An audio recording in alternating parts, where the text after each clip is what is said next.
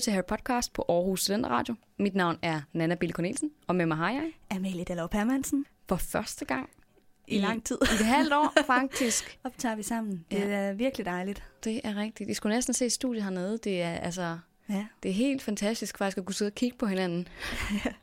Det er også første gang, du har set det rigtigt, efter det er blevet bygget Ja, op. det er faktisk rigtigt. Jeg har været hernede en enkelt gang, øh, men ikke hvor det hele var ordnet faktisk. Og det har ikke været med dig. Nej. Så det, Nå. nej, nej, jeg, jeg, jeg er da utro. til at blive jaloux? Jeg er da utro med et andet program. Nej, ikke helt. Jeg havde været øh, i lydbilleder, Nå. så det var derfor. Men nej, det vil være længe siden. Ja. Så øh, vi synes, I fortjente at få en god start på det nye år Ja. med os. For at lyde totalt selvglad. Nå jamen, altså, vi ved jo godt, hvordan det har været i december. Ja, vi vil gerne undskylde for, at vi ikke har øh, udgivet i december. Det har simpelthen ikke lige kunne lade sig gøre. Nej. Men nu er vi klar igen. Lige præcis. Altså, du har flyttet, jeg har flyttet, Ja. jeg har haft eksamen, du har praktik. Jeg har, jeg har- jeg har ikke haft eksamen. Nej, jeg har haft eksamen. Ja. Og vi har begge to haft praktik, ikke? Jo. Og du har det jo faktisk stadigvæk lidt endnu. Jo. Så, Men altså, det ved I jo også godt. Så. det er jo det. Det er jo sådan, det er. Det er dejligt, at I har været så forstående. Ja. Øhm, men vi kommer frygteligt tilbage her Ja. i 2018. Ja, jeg regner med, at vi kommer til at optage lidt oftere nu. Det gør vi også. Og Jeg tænker også, at altså, det kan være, at vi laver nogle flere events, eller Ja. laver noget gøjl af en eller anden art, nogle flere minisodes, eller prøver nogle sjove ting af. Mm. Fordi der er jo plads til udvikling i det her program, fordi det er jo, vi kan gøre, hvad vi vil. Sådan set. Præcis. Hvis Hvis der er nogle ønsker, så skriv endelig til os på Facebook. Det er det, hvis man tænkte, vi skulle lave et event, eller tage ned og se et eller andet Harry Potter-relateret, eller bare snakke om os selv i en time. Hashtag ananas i egen juice. Find, hente nogle folk ind til quizzer, det ved jeg sgu ikke. Altså, der er mange muligheder, ikke? Man Jo. kan gøre meget. Jo. Det, jeg tror, vi er villige til at prøve nogle sjove ting af i det her år, er vi ikke det? Jo da. Der er i hvert fald øh, der er kommet lidt mere ro på nu. Ja. Så vi der er plads til at være kreative. Yes. Men øh, det her kapitel, Ja. det hedder Mudderblod og mystiske mumlerier. Nej, mudderblod og mystisk mumlen. Sorry. Det gør ikke noget. Det er Næsten. næsten det samme. Nå ja, jeg har bare skrevet noget andet ned. Nå. Det er derfor, der står mumlerier Nå. i mine noter. Nå. Det er JK, der er forkert. Det er mig, der har ret. Ja. Never mind that. Det er kapitel 7. Ja. Skal jeg komme med et lille resume, som Det jeg synes jeg, plejer? du skal. I det her kapitel, der er der Quidditch-træning. Gryffindor skal træne, og øh, de bliver så afbrudt af Slytherin, før de rigtig kommer i gang. Den her scene, den tror jeg, man kan huske ret godt, fordi den er også i filmen. Jeg synes tit også, jeg kan huske de kapitler bedre, som også er i filmen. Mm. Øh, men det her, hvor Ron han bliver mega sur på Malfoy, fordi Malfoy kalder Hermione for mudderblod, og så laver han en øh, forbandelse på ham med de her snegle, hvor han så rammer sig selv, fordi hans tryllestav går i stykker. Mm-hmm. Og så går de ned i Hagrids hytte, hvor at de så sidder og snakker lidt, øhm, og efterfølgende skal de så tilbage på slottet, hvor at der er eftersidninger til Harry og Ron, fordi de lavede det her stunt med bilen. Mhm. Mm-hmm. Så Ron han skal ind og pusse øh, Pokaler. pokaler og trofæer af sammen med Filch, og Harry han skal så til eftersidning sammen med Glitterik Smørhår. Og Harry han vil ret gerne bytte, Mm-hmm. han er mildest talt ved at være ret træt af Glitterik. Og så er det jo så, at Harry hører det her mystiske mumlen. Ja, lige præcis. Ja, Det var hele vejen rundt, faktisk. ja Men det, var er også, det, der sker. der, der, igen, vi er jo ikke sådan rigtig for alvor gået i gang, men nu begynder der ligesom at ske noget. Nu, Mm. nu kommer vi ind til kernen i bog 2. Vi har fået etableret alle vores nye karakterer, og så kommer der det her mystiske mumlerier. Jamen, det er rigtigt, fordi de første mange kapitler har været sådan meget Ja. referater Ja. i bog 1, altså, og det. så tilbage til Hogwarts. Og der er selvfølgelig også sket nogle nye ting med den her bil, mm. og der har været noget, men det er Ja. første gang, der sådan rigtig sætter gang i handlingen Ja. I bog 2. ting er også, man kan stadigvæk godt mærke, det er en børnebog i den forstand, at, øh, at der bliver brugt så lang tid på at forklare os, hvordan det hænger sammen. For eksempel, vi får forklaret Quidditch-træning en gang til Mm. med Colin Creevy. Altså, der er de her bolde, og der er de her spillere og sådan noget. Vi ved det godt. Men det er lige for at give dem, der måske er lidt yngre, en update, hvis de skulle have glemt det, efter at have læst den første bog, ikke? Jo. Eller bare generelt folk, der ikke har læst dem så mange gange som os. Det er måske rigtigt. Ja. Altså, man kan stadig godt mærke, at der bliver brugt meget lang tid på at repetere stadigvæk, Mm. ikke? Jo. Øhm, Men nu begynder det at komme i gang. nu begynder bogen for alvor at komme i gang, og det gør det jo lidt mere spændende, kan man sige. Mm. Skal vi starte med karaktererne? Lad os det.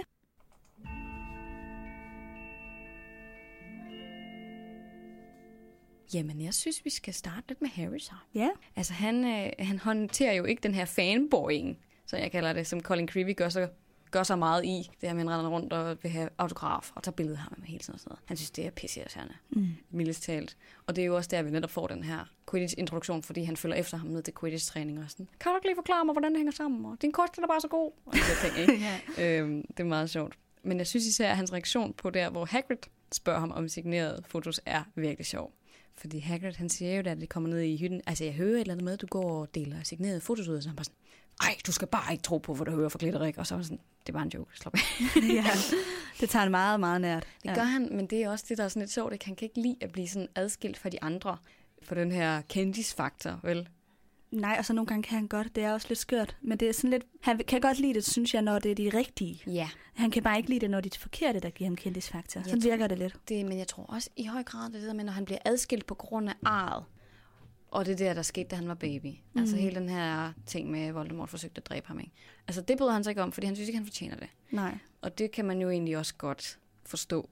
Og det er jo derfor, at det, det, de her signerede billeder kommer for. Det er jo ikke, fordi det er noget, han har gjort selv i godsøjne. Mm. Øhm, men han ville nok være meget gladere, hvis det handlede om, at han var en god Quidditch-spiller. Ja, ja, så ville han slutte i sig. Lige præcis. Men jeg blev faktisk ret irriteret på Harry i det her kapitel, må jeg sige. Ja. ja. Og jeg ved godt, der er mange lytter, der synes, vi er for hårde ved ham. Men jeg kan ikke lade være. øhm, fordi jeg synes også, han symboliserer noget mere generelt i det her kapitel, som handler om manglende overskud til andre mennesker. Ja. Colin er en lille, uskyldig dreng, som, og det kan godt være en irriterende, men det er der så mange mennesker, der er. Mm-hmm. Og han har brug for lige at få... Altså, det havde ikke taget mere end to sekunder, at Harry lige havde sagt, åh ja, men øh, nej, hvor fedt, du lige øh, er interesseret i quiz, eller nej, hvor er det dejligt, du lige tager nogle billeder, et eller andet, whatever. Mm. Altså, jeg synes bare, det er... Harry reagerer meget sigende for ja. vores samfund, hvor det er så individualiseret, og vi har fokus på os selv og vores egne behov. Og Harry, han gider ikke at snakke med Colin, ergo behandler han ham som en lort. Altså, mm. virkelig sådan en, han ikke gider hverken at se eller lytte til. Altså, oh, det ramte lige et eller andet i mig. Ja. Jeg tror i hvert fald også, hvis man selv kunne forestille sig en situation, hvor man mødte nogen, som man var virkelig stor fan af. Og det er jo, altså Colin jo tydeligvis er Harry. Mm. Og igen, Harry synes måske, det er de forkerte årsager, men han kender ham jo ikke, kan man sige. Men jo, han behandler ham jo ikke særlig godt. Og ja, man kunne også selv forestille mig at stå i sådan en situation, hvor man sådan, nå, okay, så, jamen, så går jeg da også bare, hvis du synes, jeg er så mm. fucking træls. Ja. Så ja, jeg kan godt sætte mig ind i, hvad du mener. Men jeg synes egentlig også lige så meget, han er sådan lidt stenet egentlig. Altså Harry, Harry ja. han, han forstår ikke rigtig noget. Han kan ikke rigtig sådan sætte sig ind. Han er sådan, for eksempel den her mudderblå situation, som vi kommer at diskutere, til at diskutere lidt mere. Mm. Da han sådan, nå, jamen det var da vist noget slemt. Og det ved jeg godt, sådan reagerer Hermione også. Men han kan ikke rigtig forstå det. Han kan ikke rigtig sætte sig ud over de problemer, han selv har, som for eksempel den der eftersidning, som bare bliver kæmpe stor i hans hoved. Mm. Og sådan, come on. Og som jo ikke er en særlig slem eftersidning. Nej. Sammenlignet med i etteren, hvor de skulle ud i den forbudte skov midt om natten. Det er lige det. Det er lige sådan, det. Det her, det er ingenting. Du skal sidde og hjælpe ikke med at underskrive fan-mails eller skrive adresser på. Altså, det er mm. virkelig ikke en hård eftersidning. Nej, altså han er irriterende at høre på. Ja, ja, det kan jeg godt se. Men altså, come on, fire timers, altså, ja. eftersidning. Det er ikke så slemt. Ikke i forhold til det, de har gjort i hvert fald. Præcis. De burde være blevet smidt ud. Ja. Så. Ja. Det så, har du helt ret i. Ja. Det, jeg, jeg tror bare også, at en ting er sådan det der med sådan, ja, at han ikke er så god til at håndtere kendisfaktor, men jeg synes også, det er et udtryk for... Altså, jeg, jeg, jeg kan ikke lade være med at tænke, hvordan vil han opføre sig, hvis der nu kom en handicappet hen til ham, eller en anden socialt udsat, en alkoholiker, som havde behov for lige en snak, eller sådan. Det synes jeg, det sker faktisk ret tit for mig, for eksempel, når jeg står ved bussen. Det er altid der, der kommer nogen hen til mig. Og, det, og jeg snakker Altså det er ikke fordi, jeg skal helgengøre mig selv, men jeg synes bare, det er enormt vigtigt, at man lige tager sig de to minutter, det tager lige at stå og snakke med en eller anden, der har brug for lige at fortælle om sin dag, eller spørge, jamen, hvor skal du hen? Og, og altså sådan, jeg, det er så vigtigt for mig, at man udviser den tolerance og medmenneskelighed over for sine medmennesker. Altså, ja. Men jeg tror også måske, jeg kan godt sætte mig ind i, hvad du mener. Jeg tror måske, at vi skal se det som et udtryk for, at han stadigvæk er meget barnlig. Ja. Han, hans verden er Harry Potter. Altså, det er ham, der er centrum i universet. Mm. Og det bliver det jo også ved med at være op igennem bøgerne, men fokus skifter ligesom, og han får nogle andre prioriteter, men lige nu, der handler det mest om ham, og de problemer, som han bliver udsat for. Og det kan vi jo også komme til at se med i den her bog, at han bliver sådan isoleret på grund af hans craziness og de her ting, ikke, der, mm. der, der kommer frem i løbet af næste kapitler. Det handler ikke om andre. Det er ligegyldigt, hvordan det står til med Hermione, hvordan hun føler at blive kaldt de der ting, eller hvordan Ron han har det, fordi det vigtigste det er sådan set Harry. Ja. Øhm, men det er fordi, han stadigvæk er... Altså, 12 år. Det er det. Han, han er stadigvæk super ja. vanlig, og sådan var vi andre også. Vi synes, det er hårdest for os selv. Ja, og det er måske især den alder ikke, at der havde man måske meget svært ved at se ud over egen næste tip. Mm-hmm. Øh, det er der jo nogen, der stadig har meget svært ved. Og det, og det skal jeg heller ikke øh, sige, at jeg ikke selv har til tider. Nogle gange har, altså, man har jo også perioder, hvor man bare er mega fokuseret på sig selv, fordi der er lige et eller andet galt, eller man er mega presset, eller hvad det nu kan være. Og så er man jo mega selvfixeret, fordi at man ikke kan overskue ens medmennesker. Men Selvfølgelig. Det er heller ikke så meget det, jeg er efter. Jeg tror mere, jeg er bare efter generelt At vi kun tænker på os selv Ja. i vores samfund. Ja, så kan der som være et nogle... symptom på... Sympt- jeg ser det som et symptom på noget større, Mhm. mm. og, og det er helt fair, hvis man har, det har jeg da også selv haft flere gange, perioder, hvor man virkelig ikke kan overskue mennesker omkring sig, og bare har brug for lige at lukke af. Mhm. Mm. Helt fair. Og der kan være også mange andre ting, man kan lide af social angst, man kan lide af alle mulige ting, der gør, at man ikke kan overskue, at der kommer en handicappet hen og snakker med en. Mm. Jeg tror bare, det er... alle Skal dem, der sætte sådan lidt lighedstegn mellem Colin Creevy Nå jo, så jeg, jeg ved godt, hvad du mener. en, der er lidt anderledes, og behov, som udefra set kan virke belastende, ikke? Jo. Altså, Jeg ved godt, det, hvad du mener. Jeg synes ikke, Colin Creevy er særlig belastende overhovedet. Jeg synes, det her det er meget mildt. Ja, det er det nok også. Jeg, kunne, det, jeg synes især den der sætning, hvor han er sådan, så kom Colin Creevy forbi sådan 6-7 gange om dagen, for, bare for at sige, hej Harry. Ja, Og jeg sådan, Det er da mega sødt. Det, det, Det sådan kræver ikke mere af dig, end bare at sige hej, Colin. Altså, som Hella Juf siger, hvis det er noget, der tager dig under 10 sekunder, så lad være med at blive irriteret over det. Ja. Det, det er nok en god ting egentlig at have i mente. Men det er også bare... Ej, Det- nu er jeg totalt altså sådan virkelig fordømmende. Jamen, altså, det gør ikke noget. Jeg tænker igen, jeg tror også, J.K. Rowling, hun viser ham på den her måde i de, i de første bøger også for at vise hans udvikling. mm, Fordi det er jo ikke noget, de skal stile efter. Det, jeg ved godt, at det er Harry, der er helten i de her bøger, men Harry har også en udvikling. Og det er det, vi har talt om meget. Det er nogle realistiske karakterer, mm. hvilket også er, hvorfor den her bogserie fungerer. Fordi at de er meget altså, fuldendte. Ja. De har rigtig mange dårlige sider, de har rigtig mange gode sider. mm. Og Harry, han har så det problem, at hans, hans verden drejer sig om Harry Potter. Og det er også det, Snape kritiserer ham for. Ja. Som han virkelig ikke bryder sig om, fordi det er jo rigtigt. Ja.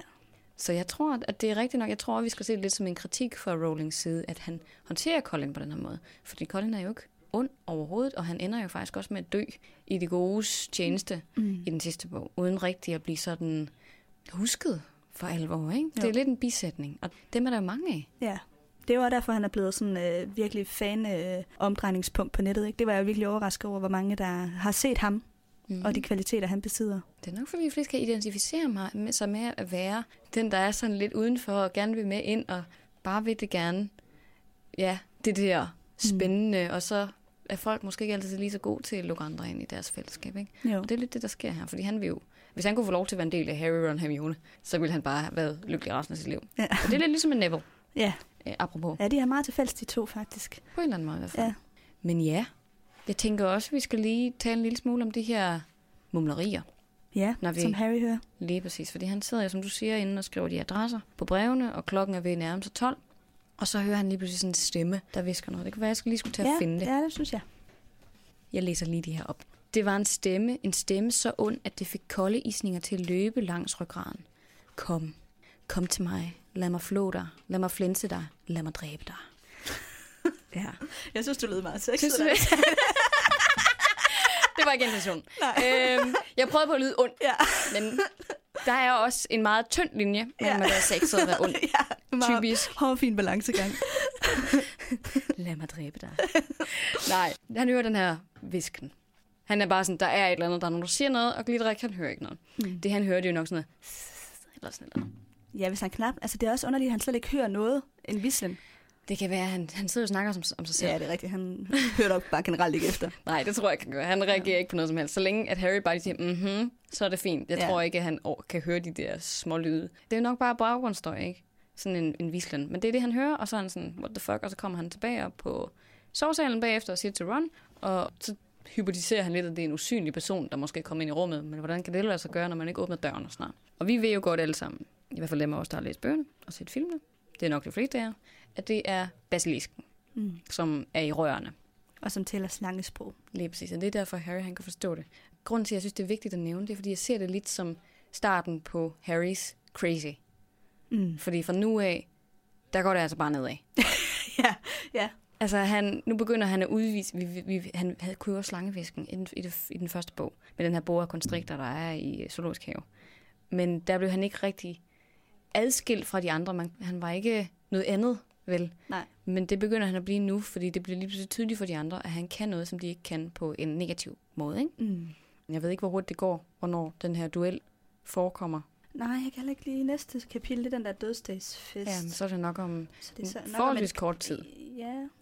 Det er først kapitel 11, så der er faktisk okay. ret Okay. lang tid til. Ja, er på okay. kapitel 7 nu. Fair nok, men altså, der, der går lidt stykke tid, ikke? og så duellerer de, og det, det, jeg kunne forestille mig, at han hører det et par gange mere, inden vi når til duelklubben, og det er så der, hvor han Ja. enchanter den her øh, slange, som bliver kastet fra en stav. Ja.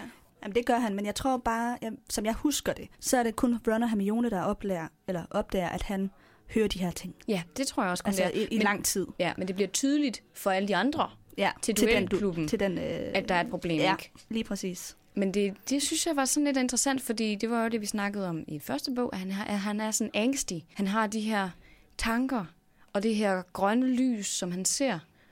Vi begynder ligesom stille at bevæge, os ind i noget psykisk sygdom nu, øhm, hvis man skal se det som Ja, ja, en, det der med at høre stemmer og sådan noget. lige præcis som en Ja. metafor, ikke? Og han bliver noget andet end de andre, fordi han er ikke lige pludselig en, en normal dreng. Ikke at han var det før, men Mm. jeg synes bare, det, det er en begyndelse, som er vigtigt lige at notere sig, at nu bliver han noget andet. En anden Harry Potter, Mm. synes jeg i hvert fald. Det er det også. Altså, det er startskuddet til noget nyt for ham. Ja. Også fordi det kommer til at fylde så meget i resten af Mhm, bogserien, at han kan høre den her slangevisken. Lige præcis. Så det er, det er et meget vigtigt øjeblik i uh, hans liv, det her mm. faktisk, uden han selv ved det.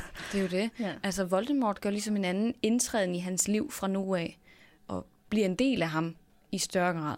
Ja, for i bog 1, der var det stadigvæk to meget adskilte ting. Altså Ja. sådan, han følte ikke rigtig et bånd med Voldemort på samme måde. Nej, han forstod ikke rigtigt, hvad det, hvad det var. Nej, det var en ond mand, som er, har været efter ham, da han var baby. Eller præcis. sådan, ikke? Men Lige præcis. sådan, hvad der lige mere ligger bag, det, det fanger han jo ikke rigtigt. Det ved jeg heller ikke rigtigt, om han gør før til sidst i den her bog faktisk. Fordi der siger Voldemort jo til ham direkte, at det var lige præcis dig, jeg gik mm. efter. Hvor han er sådan, hvad? Why? Men, Why? why? Hvorfor mig? Ja. Øhm, Lige. Så jeg vil give dig helt ret i, at der, der sker et eller andet her med det der slangevisken der. Det, der, det symboliserer mange ting. Det gør det. Og det Mm. kan være, at vi kan tale lidt mere om det, når det sker lidt oftere, for nu har vi kun fået en enkelt sætning fra basilisken. Jeg ved, om den har et navn egentlig. Og Voldemort har givet den et navn. Nej, bare om den hedder et eller andet sådan generelt, eller om den bare hedder basilisken. Jeg tror bare, den hedder Det kunne Basilisken. være, at vi skulle kalde den noget. Ja, hvad skal vi kalde den? Det ved jeg ikke. Det kan være, at vores lyttere har et godt navn. Ja. Jeg kan ikke lige finde på noget spændende. Altså, der er jo... Øhm, Basil. Basilisken Basil. Jamen, det, det kunne da være meget Ja, det sjovt. lyder bare ikke så farligt. Så. Nej, det lyder sådan lidt øhm, gentleman-agtigt. Ja. Nok om det. Vi Hvis der kan også har... bare kalde den Anders. Anders. Nej, det var bare for et random navn. Det var lige det første. Anders Sand, jeg kunne bare lige til at tænke. Ej, vi må heller lade være med at kalde den noget, som der er nogen, der hedder. Ja, hvis der er nogen lytter, der har nogle gode idéer til, hvad vi kan kalde basilisken. Så, Ja. øh, fordi som sagt, altså, Voldemort hedder jo Voldy Ja. i mine noter. ja. Med Det må gerne være noget kortere end basilisken i hvert fald. Ja, ja. Basil synes jeg faktisk er meget sødt. Basi. Bassi. Bassen. Ej. Nessie. Nessie. Eller ligesom Loch Ness. Ja. Det er faktisk noget. Nå, Nå, videre. Apropos, ja. der er mange andre vigtige ting, som vi også skal snakke Ja. ja. om i det her kapitel. Men, men det var nogle af de, de Tanker, ting, der, der var vigtige at Ja. snakke om. Hvad har du så? Jeg tænker også lige, at vi skal dykke lidt ned i Hermione. Fordi der sker også noget ret væsentligt i det Ja. her kapitel. Det gør der. Hun bliver kaldt for mudderblod. Det gør hun nemlig. Og det, øh, det kan man godt mærke, selv, altså, når man læser bogen, og også på reaktionerne, at det er et meget voldsomt skældsord. Altså det er ekvivalenten, som vi snakkede om, inden vi startede med op til, til N-ordet, ikke? Ja, Altså, det er et dybt racistisk udtryk, som man siger om en, en gruppe, man føler er under sig. Ikke? præcis. Og i den her sammenhæng er det så troldmænd, som kommer fra en moklerslægt, som de så synes er en fordærvet slægt. Mm. I hvert fald sådan, Ja. Ron forklarer det. Ja, at de har ikke rent blod, altså Ja. fordi at de ikke er født ind i en Det troldmandsfamilie. er præcis. Mm. Jeg tænker dog, at Hermione, har hun nogen som helst hekse i sin familie? Eller er hun bare kommet af ingenting? Altså Tror du? ifølge JK, så er det jo tit, at man har noget i familien, Ja. men bare langt ude. Altså så kan det være ens tante eller mormor, eller, men der er også rigtig mange troldmænd og hekse, som lever i moklerverdenen, uden at fortælle det til familien. Altså som simpelthen bare ikke udfører magi rigtigt, eller i hvert fald ikke, hvor det bliver opdaget. Så der er jo også mange moklerbørn, som ikke ved, at deres mormor eller farmor eller oldemor eller tiboldemor har været Lige heks. præcis. Eller... Det er jo ligesom faktisk uh, Minerva McGonagall. Hendes mor var jo heks og og var gift med en moklermand, Mm. hvor hun så ikke udførte magi. Ja. Så det er selvfølgelig rigtigt. Det kan sagtens være, hun har en grænsehand eller et andet, for jeg tænker også, det kan vel ikke bare dukke op ud af et, fordi hvis det gjorde det, så ville det vel ikke være en fordærvet slægt. Så ville det være sådan lidt Jesus, ikke? Jo, det tænker jeg i hvert fald. Altså det kan sikkert godt ske, men det er nok bare virkelig sjældent, det sker. Ja. Jeg tror som oftest, det er noget, der ligger længere tilbage, og så har det ligget og ulmet. Så vi skal lidt se, altså ja, troldmænd som en anden race end mokler, måske. Altså det vil øh, Malfoy jo sige. Men det ved jeg ikke, om J.K. Rowling vil sige. Nej, men så er det jo det der med, hvordan magi opstår, ikke? Det er jo det, der er det interessante spørgsmål her, ikke? Jo. Altså, kan det komme, er det sådan en mutation, der lige pludselig kan opstå, eller er det sådan to linjer, der er adskilt? Skal man have Ja. en forfader, som er heks eller troldmand? For at det kan lade sig gøre, Mm, ikke? Ja. Men det er så der, hvor jeg tænker, det må vi næsten alle sammen have, tror jeg, J.K. Rowling vil sige. Altså det kan godt være, at vi skal gå meget langt tilbage, Mm. men at på et eller andet tidspunkt i ens baghistorie, så må der være en heks eller en troldmand i din familie. Det tror jeg, hun vil sige. Okay. At vi alle sammen er blandet sammen, fordi det er sket løbende, at hekser og troldmænd har blandet sammen med mokler, og Mhm. derfor så det kan godt være, at, okay, vi snakker jo som om, at det her det er ikke det, ikke? men altså, Mhm. det kan godt være, at min øh, længst tilbage, det er tip, tip, tip, tip, tip, oldemor, der har været en heks, for eksempel. Og så er det bare sprunget over hele vejen ind til mig. Nej. Så vi skal Så- se det som DNA. Ligesom øjenfarve, for eksempel. Ja, det tror jeg. Ja. Det tror jeg. det lyder måske meget logisk egentlig. Og jo mere troldmand og heks du har i din familie, jo større sandsynlighed for, er der også for, at du bliver det. Det. Ja, Sådan set. Og så kan det så være recessivt, sådan så du ikke bliver det. Fælch. ja, præcis. Giver det mening? Ja, den, sådan tror jeg, vi kan forstå det. Ja. Det må være sådan, vi tænker det så Ja. i det her program. Og hvis Ja. der er nogen, der har nogle indvendinger, så er det jo altid interessant. Mm. Men det er nemlig rigtigt. Hun bliver kaldt moderblodstøs. Din modbydelige moderblodstøs, Mm. faktisk. Og jeg synes, det var sjovt. Altså ikke sætning, Nej. men jeg synes, det var sjovt, at hun ikke vidste, hvad det betød. Ja. Fordi hun ved jo stort set alt generelt. Så jeg var sådan lidt... Ja. I filmen ved hun også, hvad det betyder. Ja, Der bliver hun ked af det. Der forklarer hun det til Harry, hvad det Nå, betyder. Ja, okay. Men i bogen ved hun ikke, hvad det betyder. Nej, men jeg tænkte også, altså kunne det tænkes, nu læser hun jo masser af bøger. Hun læser masser af bøger på Hogwarts. Det kan selvfølgelig være, at de har renset alle bøgerne for Ja. den slags udtryk. Eller det kan være, at det er, fordi de ikke har fået lov til at være i den forbudte afdeling, hvor der jo er mørk magi, og nok også er sådan nogle grimmere sider Mm. af magien. Ja. Fordi Malfoy-familien har jo tydeligvis meget af den her slags litteratur. Og de har jo en masse forskellige familieting, som de har arvet fra deres familie i 100 år og 1000 år og sådan noget. Og så er det sådan, Draco, se, vi har alt det her, der siger mokler og lort. Så, ja, men jeg tror også bare, også? at forældrenes retorik er at bruge mud og blod, som, altså, når man har talt om mokler. Selvfølgelig, men jeg tror også, altså du ved, det er jo også tit sådan noget, man kan se i artefakter, Ja, ja. i genstande omkring ja. sig, at der er en eller anden forskel. Ligesom i kunst, ikke? Mm. Det kan man jo også se tydeligt, hvordan folk de bliver afbildet. Alt efter, hvad billede man har haft af folk på forskellige tidspunkter. Tag for eksempel vores øh, afbildninger af sorte. Ja. Altså i mange år. Det har jo været Mm. Enormt mega... racistisk. Lige præcis. Ja. Så altså, det tror jeg. Ja, men det tror jeg også godt, du kan have ret i, øh, Nana. Helt sikkert. Jeg synes på en eller anden måde også, at det gjorde det ekstra slemt, at hun ikke engang vidste, hvad hun bliver kaldt betyder. Altså sådan, det understreger på en eller anden måde hendes manglende tilhørsforhold til, altså Hun er ikke så stor en del af troldmandsverdenen, at hun forstår det. nej, præcis. Altså skældsordet understreger hendes udenforskab. Mm-hmm. Og det er også det, der gør det ekstra hårdt og ekstra slemt at bruge et ord. Altså det er virkelig arrogant at, at kalde nogen noget, som de ikke selv forstår. Ja. Altså det, det er virkelig ikke i orden. Nej. det, at hun er mokler og ikke forstår det, gør det næsten værre. Altså, jeg synes mm. på en eller anden måde, det er mindre slemt i filmen, fordi hun godt ved, hvad hun bliver kaldt. Ja. Altså, så, kan hun, så bliver hun ked af det selvfølgelig, men hun, hun er jo mere med i troldmandssamfundet, når hun Ja. ved, hvad det betyder. Hun forstår det bedre, men det er også det, der undrer mig lidt ved hele den her situation, at de ikke har en eller anden form af... Nu ved jeg godt, de har magiens historie. Og det giver dem en eller anden form for indblik mm. i troldmændene og heksenes samfund.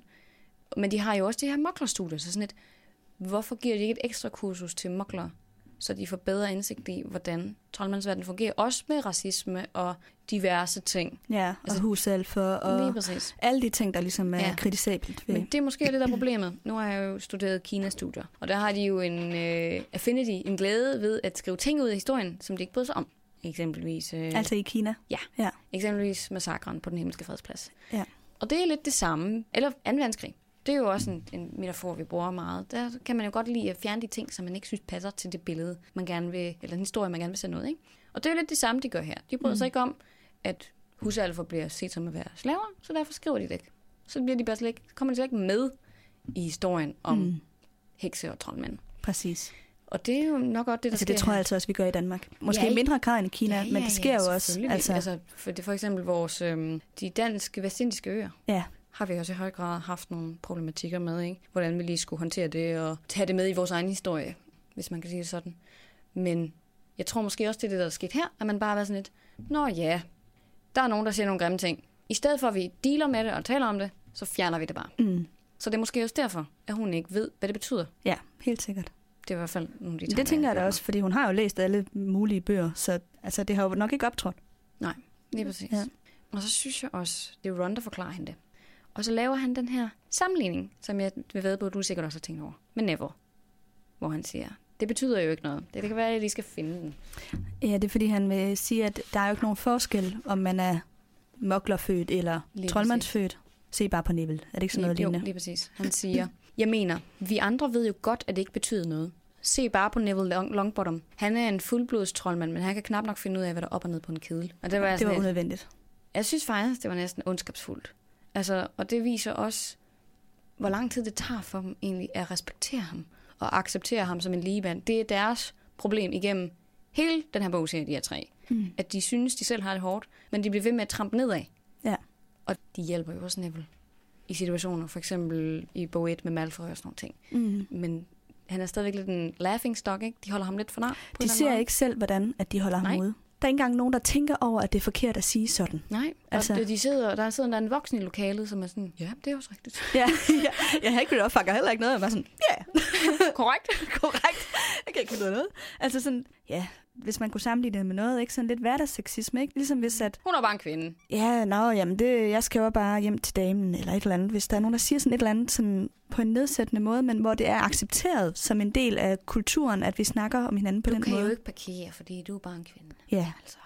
der kan, altså ja, eller, åh oh ja, hvorfor tager du det ikke bare som en kompliment? Eller, der er så mange ting, som man er vant til at få smidt i hovedet, ikke? Hvor at, at andre reagerer ikke på det, fordi man er ikke bevidst om, Nej, at det er præcis, forkert. præcis. Og det er lidt det samme her. Det er tydeligt forkert for os udefra, at de snakker sådan om Neville, men der er ikke nogen i rummet, der opfanger, at det er forkert. Nej, det er nemlig det. Men igen, vi er måske oppe i mere woke, som man kalder det. Hvis så kalder det udtryk. Nej, Det er bare sådan bevidst. bevidste. Bevidste. Ja, som læser over, hvad der foregår. Ja, ja, Ja. ja. lige præcis. Lige præcis. Ja, ja, at man ser jo alting udefra som læser, kan man sige. Ja, Det er jo på en eller anden måde et, et dybt samfundskritisk kapitel, det her. ja der var mange ting, øh, man kunne dykke ned i. Altså, øh, der var mange hints til ting i vores samfund. Ja, mange linjer at trække, hvis man Ja. sådan, ikke? Det må man sige. Men Både der er- noget med noget racisme og noget tolerance og noget medborgerskab og mm. fjendskab. Og, jamen, der er mange temaer faktisk. Der er rigtig mange temaer. Det er en skam, vi ikke har tema længere. Ja. Nej, Vi har jo lidt nævnt det alligevel, kan det er sige. rigtigt. Ja. Men jeg vil egentlig også gerne tale øh, om den her situation med Malfoy og vores treenighed Ja. på Quidditch-banen. Fordi Malfoy kommer jo ned med Slytherin-holdet, og de kan jo ikke se ham, før han træder frem med de andre. Og så viser de de her flotte koste, som de har fået af hans far.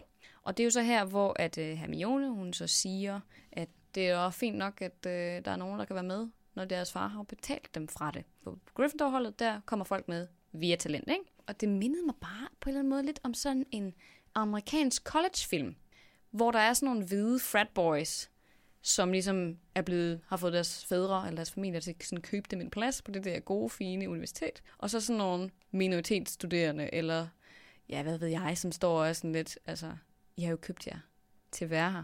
Jeg synes bare, det var sådan en situation, som sagtens kunne overføres til det virkelige liv på en eller anden måde. Mm. Men jeg synes, det er så sjovt, hvordan penge ikke er pinligt, før at det gør, bliver et spørgsmål mellem penge og talent. Hvis du forstår, hvad jeg mener. Mm. Altså, det er ikke et problem for Malfoy, at hans far har købt de her koster. Nej, det er rigtigt. Han synes, det er fedt. Ja. Han elsker at have mange penge, og han elsker at blive kendt som sådan the rich kid, ikke? Jo. Men når det så bliver sådan et spørgsmål om, hvorfor han tager med, det er Ja, fordi, ja. at han er blevet betalt for det, ikke? Så Jo. er det lige pludselig et kæmpe stort problem. Og det, det, det synes jeg bare var sådan lidt pudsigt. Men det kan jeg et eller andet, altså det kan jeg også godt forstå, at Malfoy tænker. Fordi at det er jo ikke fedt, at der er nogen, der siger til en, jamen du har kun fået lov til et eller andet f- på grund af Mhm. dine forældre. Altså det kan handle om penge, det kan også handle om noget med noget status eller position Mhm. i samfundet, eller hvad det nu kan være. Og, og vi kan jo ikke komme udenom, der er Eller sociale du har, du har knaldet dig til toppen. Ja, jamen, der kan være så mange ting. Altså, men man har jo ikke lyst til at få at vide, at man er nået til der, hvor man er nået, fordi at det handler om, fordi nogle andre har gjort noget for dig. Nej. Man vil jo gerne have det, at det er selvfortjent, ikke? Mm. Mm-hmm. Så jeg kan godt forstå, at man bliver ked af det, men Hermione har ret. Jamen, altså, det har hun jo. Det, det er jo derfor, rigtigt. han er kommet på holdet, ikke? Det er jo rigtigt. Det var, jeg synes, det var bare sådan en lille pudsig situation. Og så kan vi jo også tale lidt videre i forhold til det her med racisme, for han kalder hende jo det her grimme, som han jo er blevet tilladt derhjemme. Og det Mm. synes jeg, nu er vi tidligere, der har vi talt om det her med um, Draco Malfoy og et muligt crush på Hermione. Det er egentlig ikke det, jeg vil tale om nu, men vi er blevet kritiseret lidt for vores syn på Malfoy. Fordi jeg tror folk, de måske synes, vi er lidt for søde ved ham. Ja, vi har undskyldt ham lidt for meget. Ja, lige præcis. Ja. Men øhm, der er årsager til det. Og det er jo, fordi han starter ud med at sige de her grimme ting, og det gør han jo også i løbet af bøgerne, egentlig. Mm. Kalder hende alt muligt, og kalder dem alle sammen alt muligt, også Ron og hans familie og sådan nogle ting. Det er jo også noget, han er blevet lært derhjemme. Han er jo ikke iboende ond, eller har ikke en iboende racisme. Det er hans forældre, der har lært ham det. Det er Fordi- miljø. Det er fordi, de ser det som deres form for livslektie til ham, at han er bedre end alle andre. For det første, fordi han er troldmand. For det andet, fordi han er fuldblods. Og for det tredje, fordi han er en Malfoy. Ja. Og det er det, de har givet ham, og det ser han som gørende ham bedre, ikke? Det, det, det, det han har lært af sine forældre. Man kan sige, at hans, op, altså, hans opvækst undskylder ham ikke, men det forklarer ham. Det gør det. Det forklarer hans person. Og ting er jo også, at han formår jo faktisk også at ændre sig. Ikke lige nu. Det gør han først i den aller sidste bog. Mm. Altså, og han, man kan da se i løbet af de sidste bøger, at han begynder at få en tvivl, ikke? Især fordi han kan se, hvordan det går ud over hans forældre, at Mm. de har taget de valg, som de har gjort. Men han ændrer sig jo, Mm. og ender jo faktisk også til sidst med at stå på den anden side og være en recovering racist, ikke? Jo. Så det synes jeg også lige var vigtigt at pointere, at selvom han siger nogle virkelig rædselsfulde ting, så kan man også godt redde sig selv. Ja, man kan udvikle sig. Ja, Ja. ja. lige præcis. Fordi det er jo faktisk noget, vi ser med mange. Man behøver ikke være en idiot hele livet. Nej, det gør man ikke. Nej. Men det synes jeg faktisk er en situation, vi ser i mange af de her karakterer. Fordi Malfoy gør det, Snape gør det, Dumbledore gør det. Ja. Vi ser bare ikke dem. Hele historien. Nej. Nej. Vi ser dem ikke, mens de er i gang med at være nogle pricks, ikke? Ja, nogle røvhuller. Vi ser dem bare til sidst, mm. når de er blevet bedre mennesker. Men med Malfoy, der ser vi ham stå midt i det her dilemma mellem hans miljø, og så hvad der rent faktisk er rigtigt og forkert. Ikke? Jo. Og til sidst, så finder han jo den rigtige vej. Så det synes jeg bare lige var vigtigt at pointere, selvom Mm. mm. han er, er redselsfuld lille lort i det. Ja, og, og der netop ikke er noget, der er i orden. Altså, at det er det, han gør her, men, men man vil lige forstå, hvorfor gør han det. Det er nemlig Ja. det, og det kan måske også, som nu snakkede du før om det her med, at det kan overføres til vores samfund, det kan det jo også her. Ja, Folk, der også er racister, opfører sig mega nederen over for andre af forskellige årsager. Måske at de mobber de folk, bare fordi man er lidt anderledes eller sådan noget. ja. Men det er også tit ja, en Men usikkerhed. igen også social arv. Altså, nu har jeg jo arbejdet det sidste halve år med kriminelle, ikke? Og Mm. rigtig mange, ikke alle, men 99 procent er jo selv vokset op i miljøer Mm-hmm. mm. med kriminelle. Altså, hvor mor eller far har været kriminel, eller det det. hvor det i hvert fald har været en del af hverdagen på en anden måde, end det måske har for andre. Mm-hmm. Og det er igen ikke, fordi jeg siger, det er i orden at være kriminel, men man bliver nødt til at forstå, hvad ligger bag. Hvorfor er det, man tænker på den måde, man gør? Eller, og så, når det så er sagt, er man jo heller ikke kriminel hele livet nødvendigvis, vel? Det kan Nej. man jo også komme ud af igen. Man kan godt genopstå. Man kan godt forandre sig. Som det tror jeg, de fleste type. mennesker kan. Positivt blik på racismen. Nå nej, men ej, det er Nej, nej, ikke, nej, fordi jeg nej. vil ikke... jeg, mente, jeg mente, vi fik det lige vendt. Ja, præcis. At det kan man, man kan også lære at blive et bedre menneske. Man kan lære sin fejl. Ja. Det tror jeg faktisk også i høj grad, den her serie handler om. Det handler selvfølgelig om familie og tab og sådan ting, men jeg tror også, det handler om, at man kan blive et bedre menneske. Det er jeg helt enig i. Harry bliver jo også et bedre Det menneske. gør han jo. Det, det gør de jo i hele vores trio, lærer jo nogle ting gennem bøgerne, som gør dem til bedre mennesker. Lige præcis, de bliver voksne. Ja. Dejligt. Så det er jo godt. Ja. Skal vi gå videre til den magiske verden? Det synes jeg.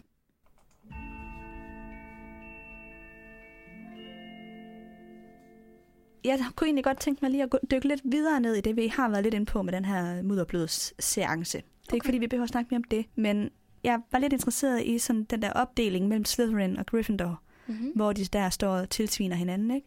Altså, det synes jeg var interessant, men vi har jo før dykket ned i, at der har været den her kamp altid, historisk set, mellem mm-hmm. Mhm. de to hold, eller de to øh, kollegier, så altså, det ved vi jo ligesom godt, at der er det. Men så bliver der så sagt noget i løbet af den her tilsvining, som jeg så ikke kunne lade være med lige at hæfte mig ved. Og du ved sikkert godt, hvad det er. Ja, jeg ved jeg godt, hvad det er. Fordi jeg tror, det er Harry, der noterer sig, at han undrer sig over, eller tænker over, at der ikke er nogen kvinder på Slytherins hold. Mhm. Fordi de har jo selv tre på Gryffindors hold. Ja, tre angribere. Ja, og så tænker jeg sådan, ja, det er egentlig lidt interessant. Hvorfor har de det ikke det? Og så begyndte jeg at sidde og spekulere over derhjemme, sådan, om det er måske også fordi, at de er lidt konservativt øh, kollega, som måske også har nogle lidt mere konservative kønsstereotyper og roller. Man kan sige, det har troldmandsverden generelt. Altså, Molly Weasley. Præcis. Molly Weasley er det perfekte eksempel. Hun er jo også hjemmegående husmor, og det er ikke fordi, der er noget galt med det, men det er bare det, man historisk set har set som en konservativ dyd, at moren gik hjemme. Ideal kvinden Præcis. for de konservative, ikke? Jo. Og så prøvede jeg at slå op, sådan, om der er kendte kvinder fra Slytherin, eller mm. altså sådan, kender vi nogen, der er blevet til noget. Og så fandt jeg ind på Pottermore sådan en uh, kendte Slytherins gennem tiderne. Der var kun mænd. Nå, Ja. Så søgte hvad jeg... med sådan en som Medusa? Hun var ikke på den liste. Det var sådan Merlin for eksempel, og Mm. der var mange forskellige mænd.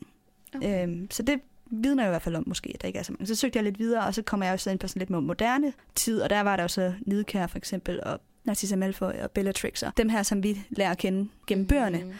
Men de er jo ikke kendt for det gode for det første, og for det andet er det jo, det er ikke sikkert, det er nogen, man ved, hvem er om 100 år. Nej. Altså, Det er ikke... det er ikke nogen, der har bemær- gjort sig bemærket på en, en eller anden måde gennem historien. Nej, det er ikke store navne, store historiske navne på den måde. Præcis. Og jeg slog også op sådan på Quidditch-hold, om der har været nogen på Slytherin, og der har været nogen, men det har ikke været særlig mange.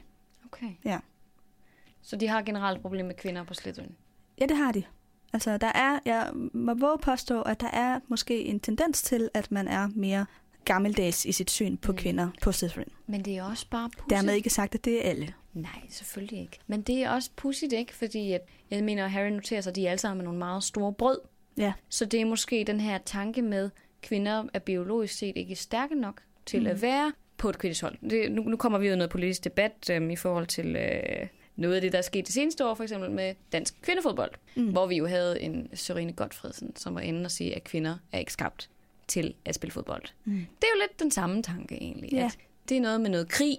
Sport er krig, så derfor skal kvinder ikke være en del af det. Fordi de har et mere venligt og feminint sind, så det går ikke så godt for dem. Men det synes jeg alligevel er lidt pudsigt, ikke? At have den der tanke med, at de ikke kan være med til at spille Quidditch. Fordi de har en pigebande på Slytherin. Mm. De der piger render rundt og mobber, og jeg ved ikke, om de også slår. Nej, det er nok mere mundtligt. Ja, det er nok mere ja, verbalt, ikke? Men det er bare den måde, de bliver framet på i bøgerne. Der fremstår de meget som sådan en girl gang. Og de er også dybt ubehagelige over for alle de andre piger og også de andre drenge på deres årgang. Mm. Det skal ikke undre mig, hvis de ikke også decideret altså, er fysiske på den ene eller anden fasong. Så det er egentlig lidt sjovt, fordi de er jo ikke feminine, eller opfylder de kvindelige dyder, de her piger, egentlig. Nej. Så det er sådan lidt sjovt, hvordan det lige hænger sammen. Men de har nok bare besluttet sig for på Slytherin, at piger hører igennem Ja. i Quidditch. ja, altså der kommer nogen løbende, også mm. på Mm. nogle af de senere år. Okay. Jeg mener også, at på det første år var der vist en kvindelig Quidditch-spiller på Slytherin, men Okay. i filmen er hun så blevet til en mand. Nå. Ja, og jeg er ikke helt sikker, men det mener jeg, det var Mm. mm. på det første år. Men det er en interessant Så altså, ting. generelt er der virkelig ikke så mange kvinder på Quidditch-holdet, nej. Nej. Det er der ikke. Det er interessant. Men man kunne sikkert også forestille sig, mere sådan konservative nationer også vil, mm. Altså i vores egen verden, vil have nogle problematikker inden for sportsverdenen, og der er nogle ting, som kvinder måske slet ikke deltager i af typer sport, ja. For eksempel. Men jeg kan heller ikke lade være med at tænke på, om bare fordi Slytherin ikke er så god til at, at putte kvinder på, eller piger på holdet, betyder det jo heller ikke nødvendigvis, de andre hold er det. Jeg har ikke været inde og undersøge med Hufflepuff og Ravenclaw og Gryffindor. Nej. Altså jeg ved, der er tre angriber, ikke? Jo. Men der er stadig overvægt af mænd, fordi jeg er syv hold, eller syv spillere på holdet, mm. ikke? Altså, Men Ginny kommer på senere. Ginny kommer på senere, der kommer lidt udskiftning løbende jo. Men det er bare for at sige, at jeg har ikke undersøgt, om det er det samme billede, der Nej. er på de andre hold. Det kan jo godt være, at det faktisk er et problem for dem alle sammen. Det kan At man ikke tænkes. får lige- Integrere lige- kvinder. Ja, en mere lige kønsfordeling på. Mm-hmm. Mm. Det er ikke fordi, jeg siger, at der skal være gren kvindehold. Det, det er slet ikke det. Jeg siger bare, at det kunne være fint med en mere lige fordeling, fordi mm. mm. Gryffindor beviser jo, at pigerne er mindst lige så dygtige som drengene på holdet. Så Helt sikkert, at de er måske også lettere. De er lettere Øhm, på kosten, ikke? det er så det. der er jo også nogle forser. Det er lige præcis det, men jeg mener jo også, Ginny, hun bliver jo sportsjournalist senere, men efter hun har spillet på et Quidditch-hold, gør hun Mm, ikke det? jo. Men det er vel også et, er det et kvindehold, hun spiller på, eller er det, er det ikke sådan noget Holy Head Harpies eller sådan noget? Ja, det ved jeg faktisk ikke. Ja, Jeg tror, det er kvindehold. Jamen det har Ja. jeg nemlig lidt fornemmelsen, men jeg ved faktisk ikke, om de er delt op i mand- og kvindehold generelt. Nej, når de kommer længere op. Nej, det ved jeg heller ikke. Jeg kan ikke huske der i firen, hvor de skal til Quidditch mellem Bulgarien og Irland, om det er blandet, eller De om det kun er også mænd. bare efternavnene, Ja, så det er svært at vurdere. det ved vi ikke. Det er rigtig svært. Det må vi uh, lige undersøge. Om man har herre- og kvinde landshold. Ja. ja. Det kunne egentlig være meget interessant. Det er noteret. Men i forhold til lige det her med repræsentation og sådan noget, så ved jeg, så læste jeg ind på Pottermore, at det faktisk bliver diskuteret blandt eleverne, Nå. om magiens historie er fokuseret på troldmandshistorien og mindre på heksehistorien. Nå. Fordi at det er der nogen af især Hufflepuff-pigerne, der Mm. mener, at man hører... Feminister. Ja, jamen, ja, feminister i troldmandsverdenen, så mener, at de lærer rigtig meget om, hvad troldmænd har øh, gjort og. Mm. berettiget gennem tiderne, men man hører ikke særlig meget om heksene. Lidt det samme problem, som man har i dansk historie, men uden at jeg skal gå ind i det. De fleste landes historie. Ja, men det er i hvert fald også noget, der bliver diskuteret, så det er også bare for at sige, at feminisme er også en del af troldmandsverdenen. Nå, det er noget, der fylder noget, og det er noget, der bliver diskuteret. Mm. Sikkert ja. i højere grad, altså heroppe i nullerne, når øh, Harrys børn mere nu. Ja. begynder at gå i skole og sådan nogle ting. Ikke? Ej, det er da Altså der følger de jo også lidt moklerverdenen, kan man sige. Det er jo det. Så. Men jeg vil dog notere, at øh, nu sad jeg jo og kiggede på øh, Ministeriet for Magi til vores mm. allerførste live show. Og der var der faktisk overraskende mange kvindelige ministre. Ja.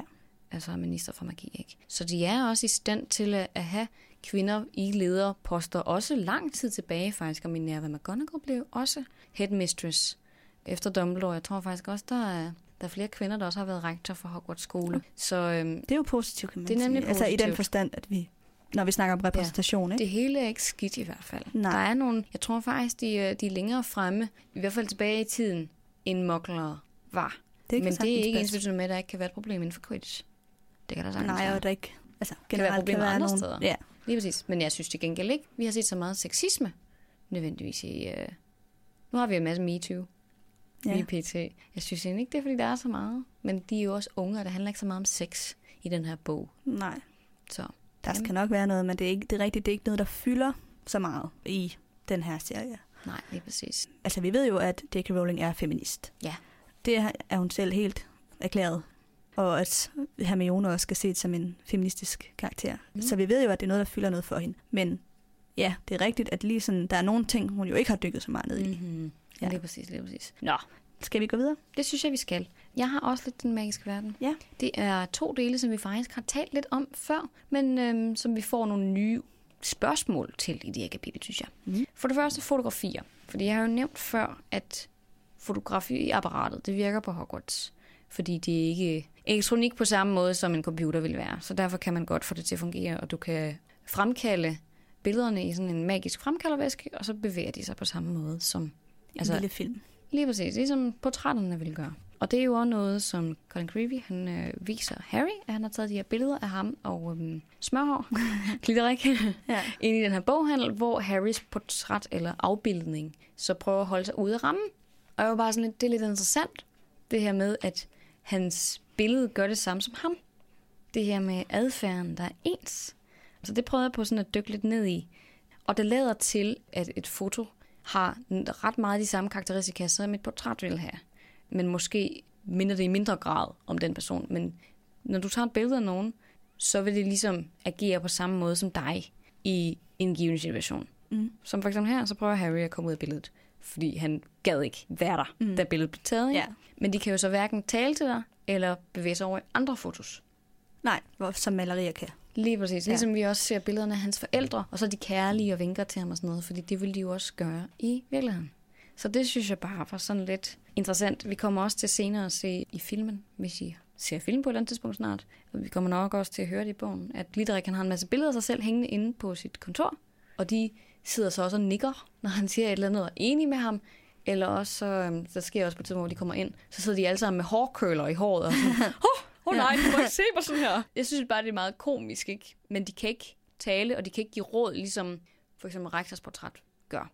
Men det var nemlig også noget, det jeg fandt ud af, at når man får malet et portræt, så øhm, bliver så kastet en besværgelse på portrættet, og så bliver du så fremvist på samme måde, som kunstneren ser dig.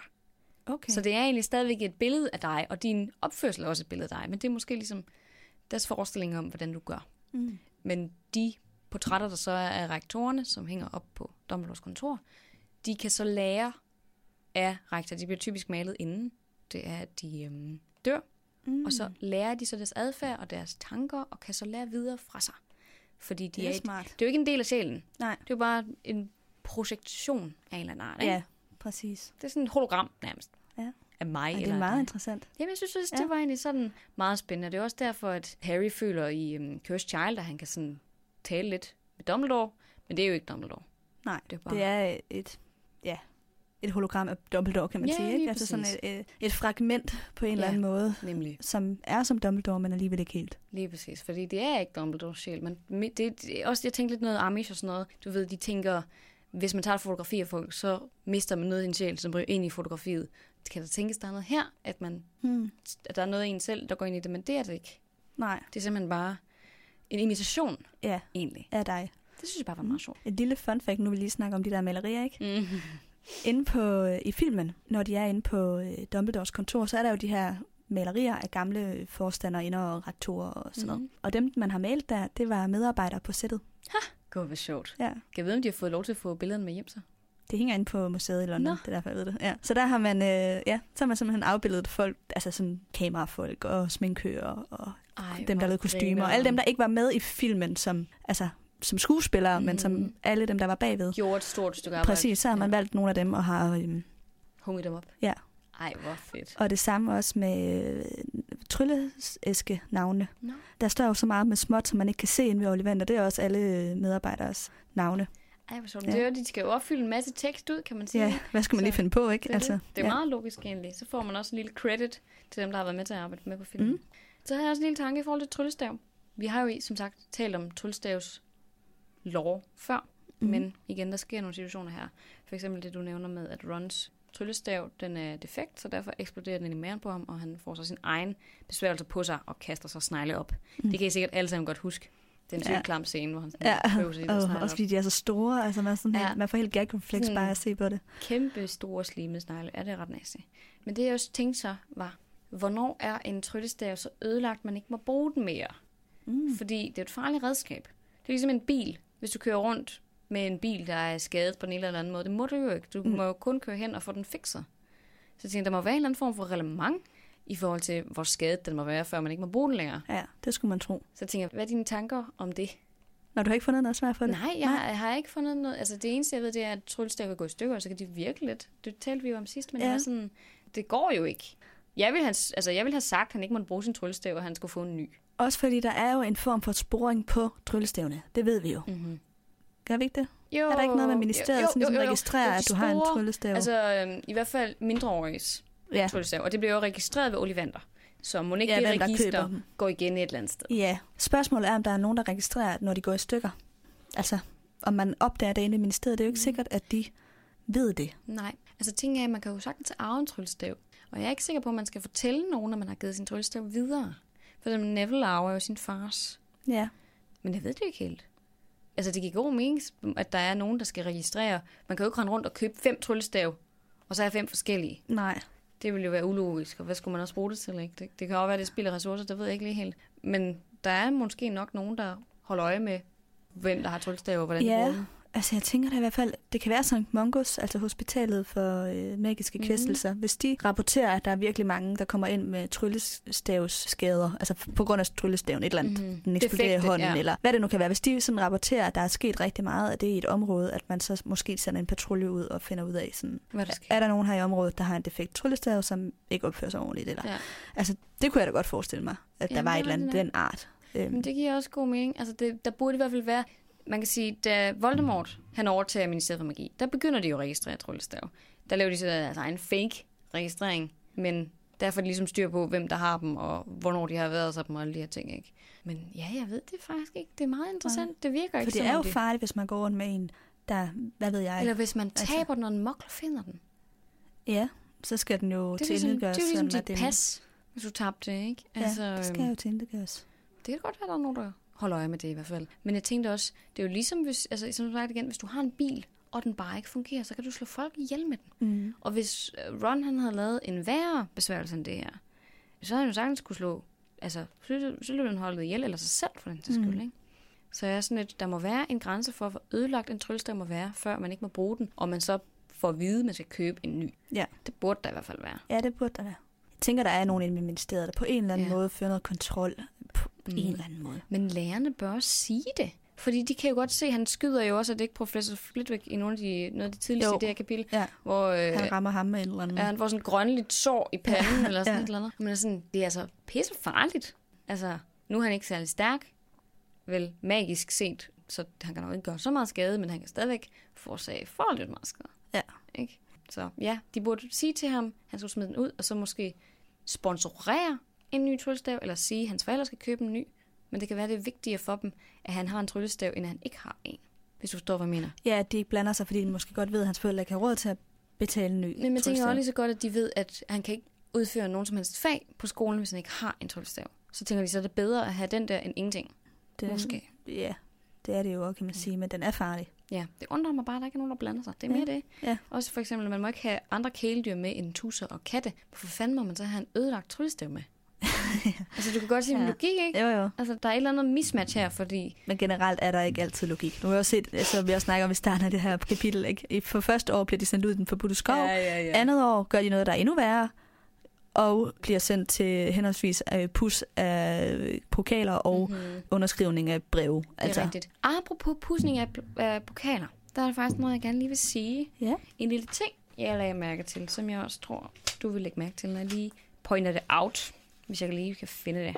Det er nemlig Ron, som så, som du sagde, jeg var med, der har været oppe at pusse. Og så siger han så, jeg tror ikke, jeg vil være i stand til at holde på en fjerpind i de næste par dage, stønnede han. Han tvang mig til at pusse Quidditch-pokalen i hele 14 gange, før han var tilfreds. Og så fik jeg endnu et snegleanfald ud over skolens æresplatte for særlig indsats. Det tog en evighed at få slimsporene vasket af igen. Det er jo den her platte. Mm. Kan du huske, Der hvem er- der har den her platte? Ja, er det ikke Voldemort? Jo, det er så. Ja.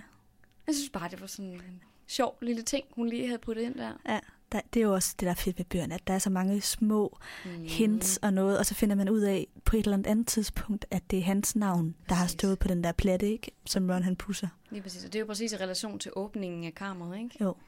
Det var bare sådan en sjov lille ting. Og så for lige at gøre det her færdigt med tryllestav egentlig Ja. også. Der er jo Hagrid, som har den her dejlige lyserøde paraply. ja. og så tænkte jeg, okay, han blev renset senere den her bog.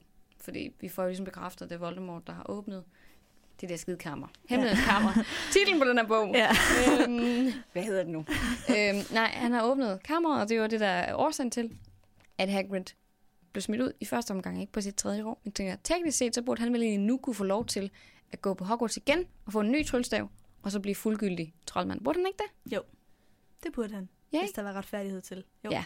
For det første tror jeg, at Hagrid han er lidt ligeglad med, om han er registreret under en rigtig troldmænd eller ej. Altså det tror jeg. Han har jo levet med den der tryllestav. Ja, siden han var, Forklædt som paraply i virkelig lang tid. siden han var 13 vel egentlig. Ja, så jeg tror, han er sådan, ja, hvad fanden. Hvis de opdager det nu, så siger de nok bare, nej, det er fint. Altså, Ja, ja, jeg tænker, det går han ikke så meget op i. Nej, det er nok ret ikke. Jamen, det er rigtigt. Og jeg tjekkede også lige op på hans øh, paraply egentlig, hvordan det egentlig fungerer med den. Han har faktisk fået Lord Dumbledore. Det tror jeg også, man hører i en, eller anden bog, øh, en senere bog. Ja. At det er Dumbledore, der har... Øh, det kan godt være, det er den her. Jeg kan ikke huske det. Men jeg kan Ja, bare okay. huske, at man får at vide i bøgerne, at Dumbledore har øh, Giv ham tilladelse. givet ham tilladelse til at have den der paraply. Lige præcis. Men Mm. jeg synes nemlig, det er lidt sjovt, for der stod inde på Potterwiki, at det var øhm, mindre splinter af tryllestaven, der var blevet samlet inde i paraplyen, så det fungerede som tryllestav. Jeg var sådan lidt, hvordan kan det hænge sammen, at den virker så godt, når Rons virker så, så dårligt? Ja. Men det kan selvfølgelig være, at han simpelthen har omskabt den til en ny form for tryllestav. Altså Dumbledore. Ja, at han har lavet en tryllestav. Ja, nærmest. Ud af delene af den gamle, måske. Lige præcis. Ja, Ja, ja. så, så det er sådan en paraplystav. Det være. Ja, Det var sådan set bare det, jeg havde. ja. ja. Jeg tænkte, det, det, det var bare lige nogle svar, ja. som jeg gerne vil have. Nej, nogle spørgsmål, Ja, ja, som jeg gerne vil have svar på. Yes. Jeg ved ikke, om jeg fik svaret ordentligt, men altså, det er jo altid noget lige for det diskuteret, kan man sige. Jeg synes det er i hvert fald, man kommer frem til noget øh, brugbart til Ja. ja. sidst i hvert fald. Så lad os gå videre til frileg.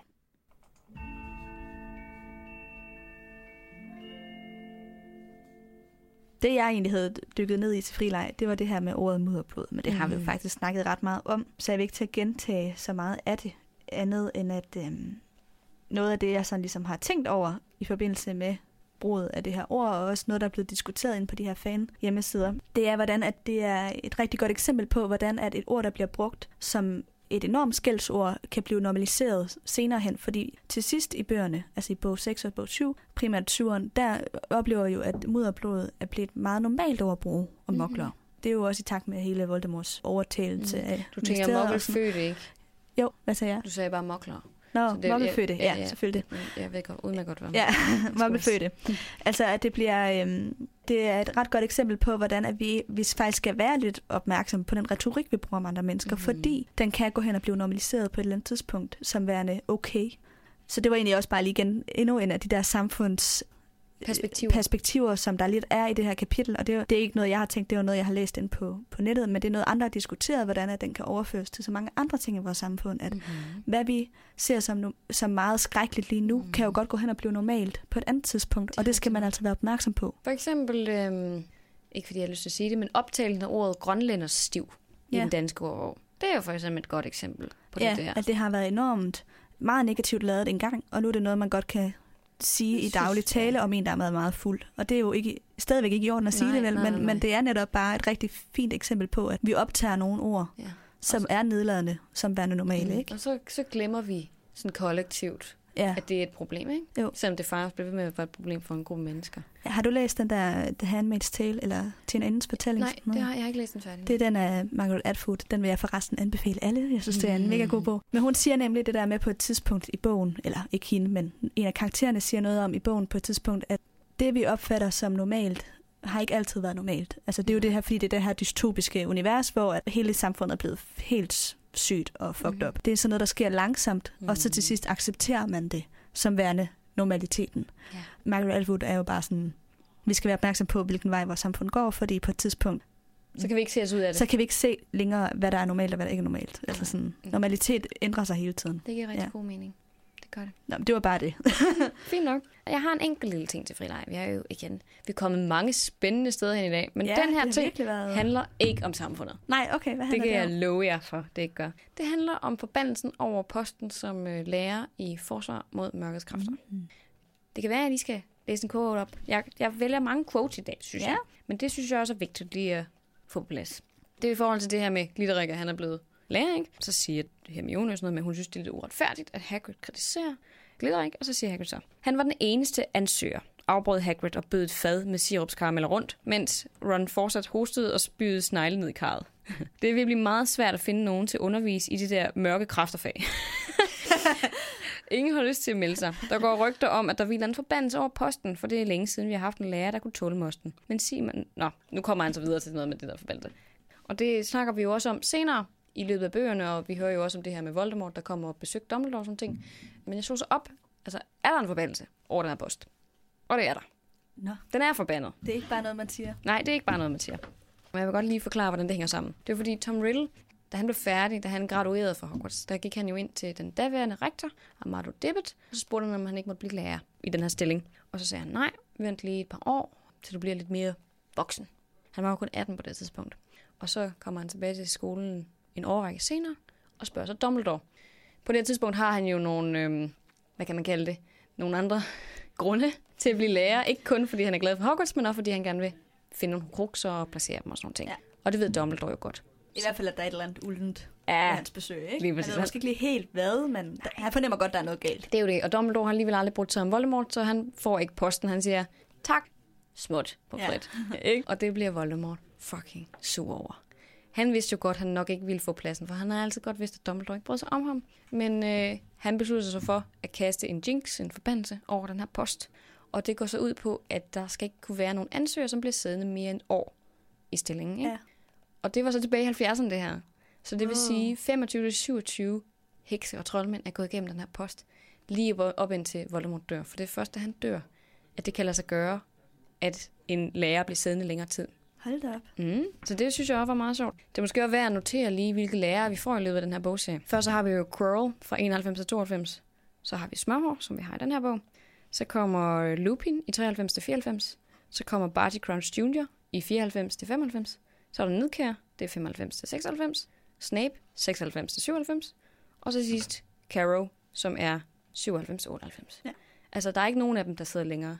Og det igen, vi er så kede af det, når Lupin han forsvinder. Og det er så ærgerligt, og, og alle de her ting. Altså, det er jo egentlig kun Lupin, der er god egentlig. Det er stedet. Ja. øhm, Ej, man kan sige, at uh, Barty Crouch, uh, selvom Ja. han er jo mega ond, han er jo dødskadist, mm-hmm. men han lærer dem meget. mm-hmm. Det tror jeg også, Hermione eller Ron, en af dem noterer sig på et tidspunkt. Det kan godt være, at vi havde en forfærdelig ond mand. Ja, ja, havde, var dødskadist og alt muligt pisse. Ja, ja, men vi lærte fandme meget. Han var Mm. dygtig. Det er rigtigt. Og Snape er jo egentlig også dygtig. Han er også dygtig. Han kan også sit kram, men det er faktisk Voldemorts skyld, At der er den store udskiftning. at det bliver ved med at ske Ja. hele tiden. Ikke? Og Det også, er ret sjovt, fordi jeg har bare tænkt, at det var, mens Harry gik på skolen, Mm, nej, at der var nej, den store nej. udskiftning. Men det har så været der i mange det år. har der været i mange år simpelthen. For jeg Ja. tænkte også, er det bare et tilfælde, eller er det rent faktisk rigtigt? Jamen, det er rigtigt nok. Ja. Og man kan Altså- sige, Voldemorts forbandelse har jo så påvirket hans egne følger, fordi Quirrell var jo hans egen, Ja, og Snape var jo ikke, men Carrow og, hvem var den sidste? Barty Crouch. Barty Crouch var jo, altså ja, Ja. hans egne mænd. Så han har selv været skyldig i, at de ikke Ja. kunne gennemføre de missioner, som de havde gang i. Ikke? Hvis han ikke havde puttet den her forbandelse på, kunne det måske have betydet, at der var sket noget andet. Så det er også lidt sjovt at tænke på, hvordan han så der produceret sig selv lidt. Ja, det har han ikke lige tænkt langsigtet. Nej, han har i hvert fald ikke fjernet den, men der er også nogen, der har været sådan lidt, jamen, fjernede han den så, da han fik magt over Hogwarts i syveren? Det ved man ikke helt. Nej, eller om den bare dør med ham. Ja, lige øh, præcis. forbindelsen. Men uanset hvad, så kommer Caro stadigvæk kun til at sidde der et enkelt år. Ja. Så det bliver uopfyldt uanset. Ja. Så det var lige en Nå, lille... det var interessant. Ja. Det vidste jeg ikke. Det har jeg, jeg, det, men det er sjovt, fordi det er noget med det, man har undret sig over. Ja. Eller jeg har i hvert fald tænkt meget over sådan... Sådan, er det en rigtig forbandelse? Ja, eller også eller bare det der med, at om det er bare noget, J.K. Rowling har bestemt i bøgerne for, at der skulle komme noget udskiftning i lærerstanden, ikke? Øhm, Ske noget nyt, ikke? Ja, og det er jo en stilling, som på mange måder tit har noget med handlingen at gøre. Ja. Altså i etteren er det Quirrell, der er med Voldemort og mm. får handling til at ske. Og i den her, der har Glitterik jo også en ret vigtig position, i hvert fald, Ja, også nede i faktisk. Hemmelighedernes Kammer. ikke? Og så i træerne har Lupus en stor position i forhold til, mm. hvad der Mhm. sker der. Altså sådan der, det er også den post, lærerpost, som får handling til at skride fremad. Mm. Mm-hmm. Det er rigtigt. Ja. Det er sådan et primus motor på en eller anden måde. Det er det lidt. Altså handlingen følger lidt den lærer, der Ja, nu er. det Ikke? er det. Ja, Det eneste tidspunkt, hvor det faktisk ikke er vigtigt, det er i syveren. Og det er, fordi de går Ja. ikke på skolen. det er fordi, de ikke er der. Ja. Så øhm, Det er vigtigt i den forstand, at det er jo også en dødskadist, der er på, Mm. mm. på posten. Ikke? Ja. Hvis man ikke lige kan huske, hvem Carol er. Han er også dødskadist. mm-hmm. Og han, øh, han øver jo for eksempel torturforbandelsen mm. Mhm. på førsteårselever. lige præcis. Og det er måske med til, at der er så mange elever på skolen, som gør opstand mod Mhm. mm. Voldemorts regime. Altså så på den forstand har han nok en betydning Det har han. Selvom han ikke bog. betyder noget for vores trio. Nej, for Nej. vores forløb, ikke? Ja. Øh, men i sidste ende har det en helt sikkert effekt, det tror jeg også. Ja, jeg synes, det var virkelig interessant, og jeg er glad for, at jeg fandt svar på det. Ja. Hvor jeg sådan, det der, det er sgu meget sjovt. Det må vi lige tjekke op. Ja. Jamen, det er godt. Nu er vi jo ved ved vejs ende. Ja. Og jeg synes, vi skal slutte af med en lille quote. Også en sjov lille ting, som måske også er lidt vigtig for, øh, for den fremtidige handling egentlig. Det er nede i Hagrid's hytte, hvor han nævner det her med billederne. Og der siger Hagrid så, det sagde din lille søster også, lød det for Hagrid, der nikkede til Ron. Jeg stødte på hende her udenfor i går. Han kastede et skævt blik mod Harry og kludede lidt, lidt i skægget. Hun sagde, at hun bare var ude at gå sig en tur, men jeg tør ved på, at hun håbede på at møde en vis person her hos mig. Han blinkede til Harry. Hvis du spørger mig, så tror jeg ikke, hun vil sige nej til signeret. Dot, prik, prik, prik, ikke? ja. Og så griner de alle sammen, haha, fordi Ja. ja. at de sådan, ja, ja, der er ikke rigtig nogen af dem, der har fanget, hun rent faktisk er forelsket ham, ikke? ja. Så det er lidt Men sjovt. det er netop også lidt interessant, øh, altså, at vi lige får Ginny nævnt her. Og det er en bisætning. Ligesom at, det, at hun har en dagbog også har været en bisætning. Mm. Og så der er Mhm. rigtig mange ting, der egentlig får rigtig stor betydning i den her bog, som bliver nævnt med bisætninger i starten Ja, her. lige præcis. Der er mange Ja. ja. små skjulte dele, ikke? På en eller anden vis. Men Så ja, det er ret interessant. Ja, skal vi sige, det var det for i dag så? ja lad os det. Så glæder jeg mig til at optage med dig igen næste gang. Jamen, jeg synes altså, måde. det er lidt hyggeligt at sidde sammen og optage. Det er også rart. Ja. Man får også en bedre diskussion, synes jeg. Det Ja. ja. kan I forhåbentlig også høre derude, ja. at øh, kvaliteten bliver lidt højere, når vi sidder Ja. sammen. Det er noget andet. Ja. Ja, jamen uh, tak for i dag, Nana. Tak lige måde, Amalie. thank you